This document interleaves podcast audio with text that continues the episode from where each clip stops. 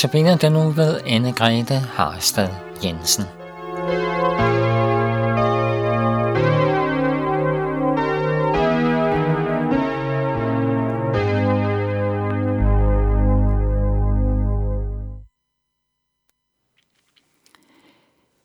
Vi skal nu lytte til sangen De må møde ham, sunget af Sine Valsø.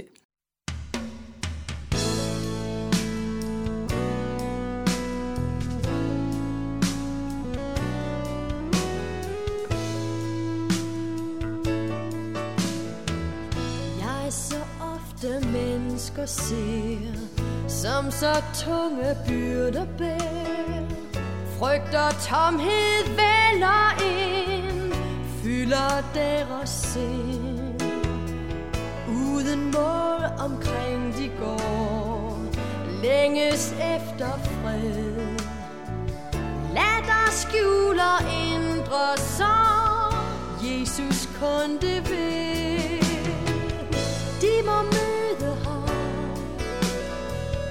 De må møde ham. Han er knuste drømmes hår. Han er frelseren.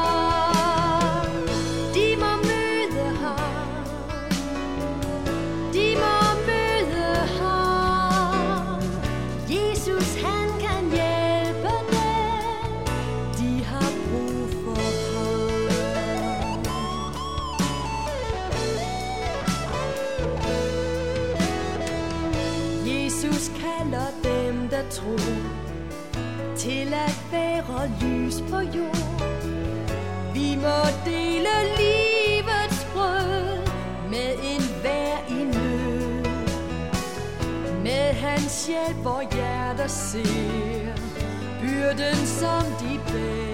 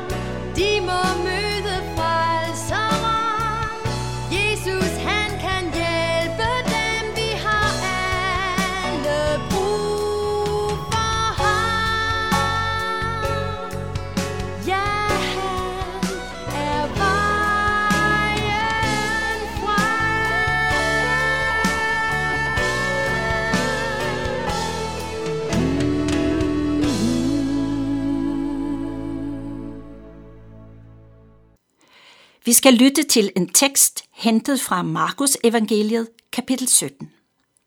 Under sin vandring mod Jerusalem fulgte han grænsen mellem Samaria og Galilea. Da han var på vej ind i en landsby, mødte han ti spedalske. De blev stående langt fra ham og råbte, Jesus, Mester, forbarm dig over os. Da han så dem, sagde han, gå hen og bliv undersøgt af præsterne. Og mens de var på vej derhen, blev de rene. Men en af dem vendte tilbage, da han så, at han var blevet helbredt.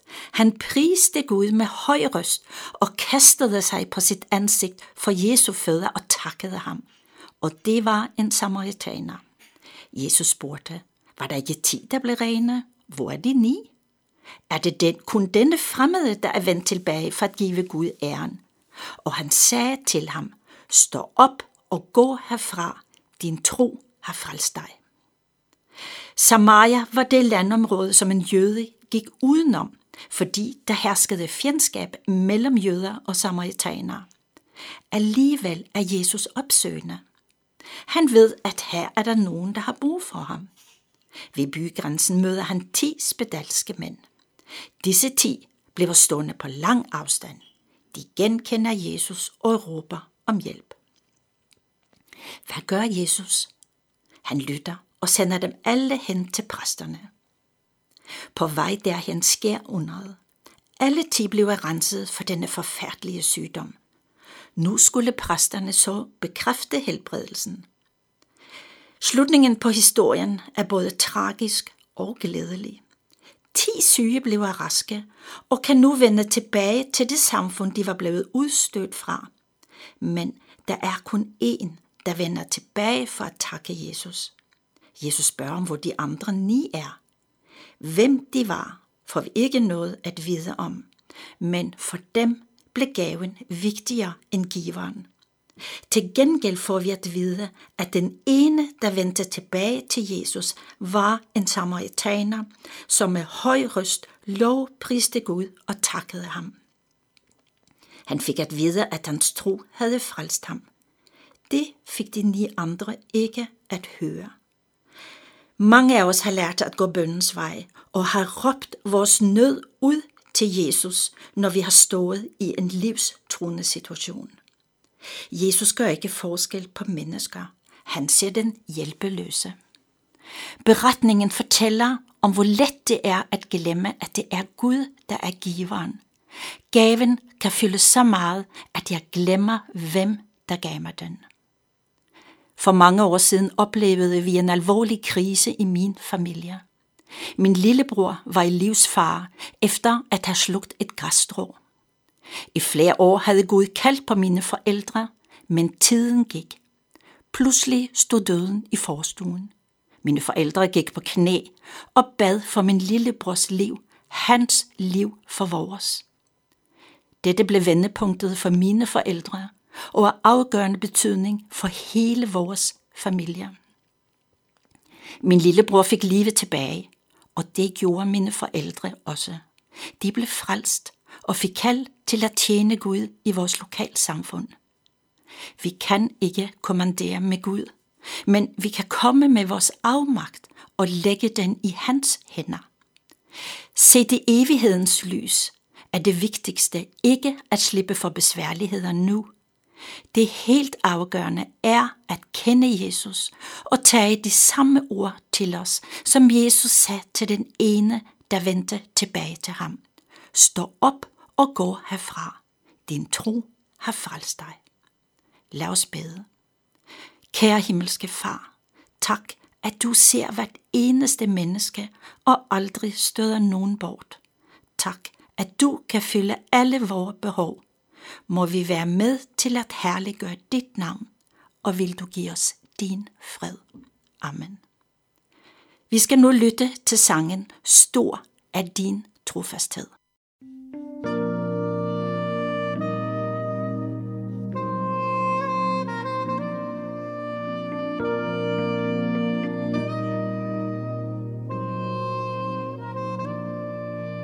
Stor er din trofasthed, Herre og fred.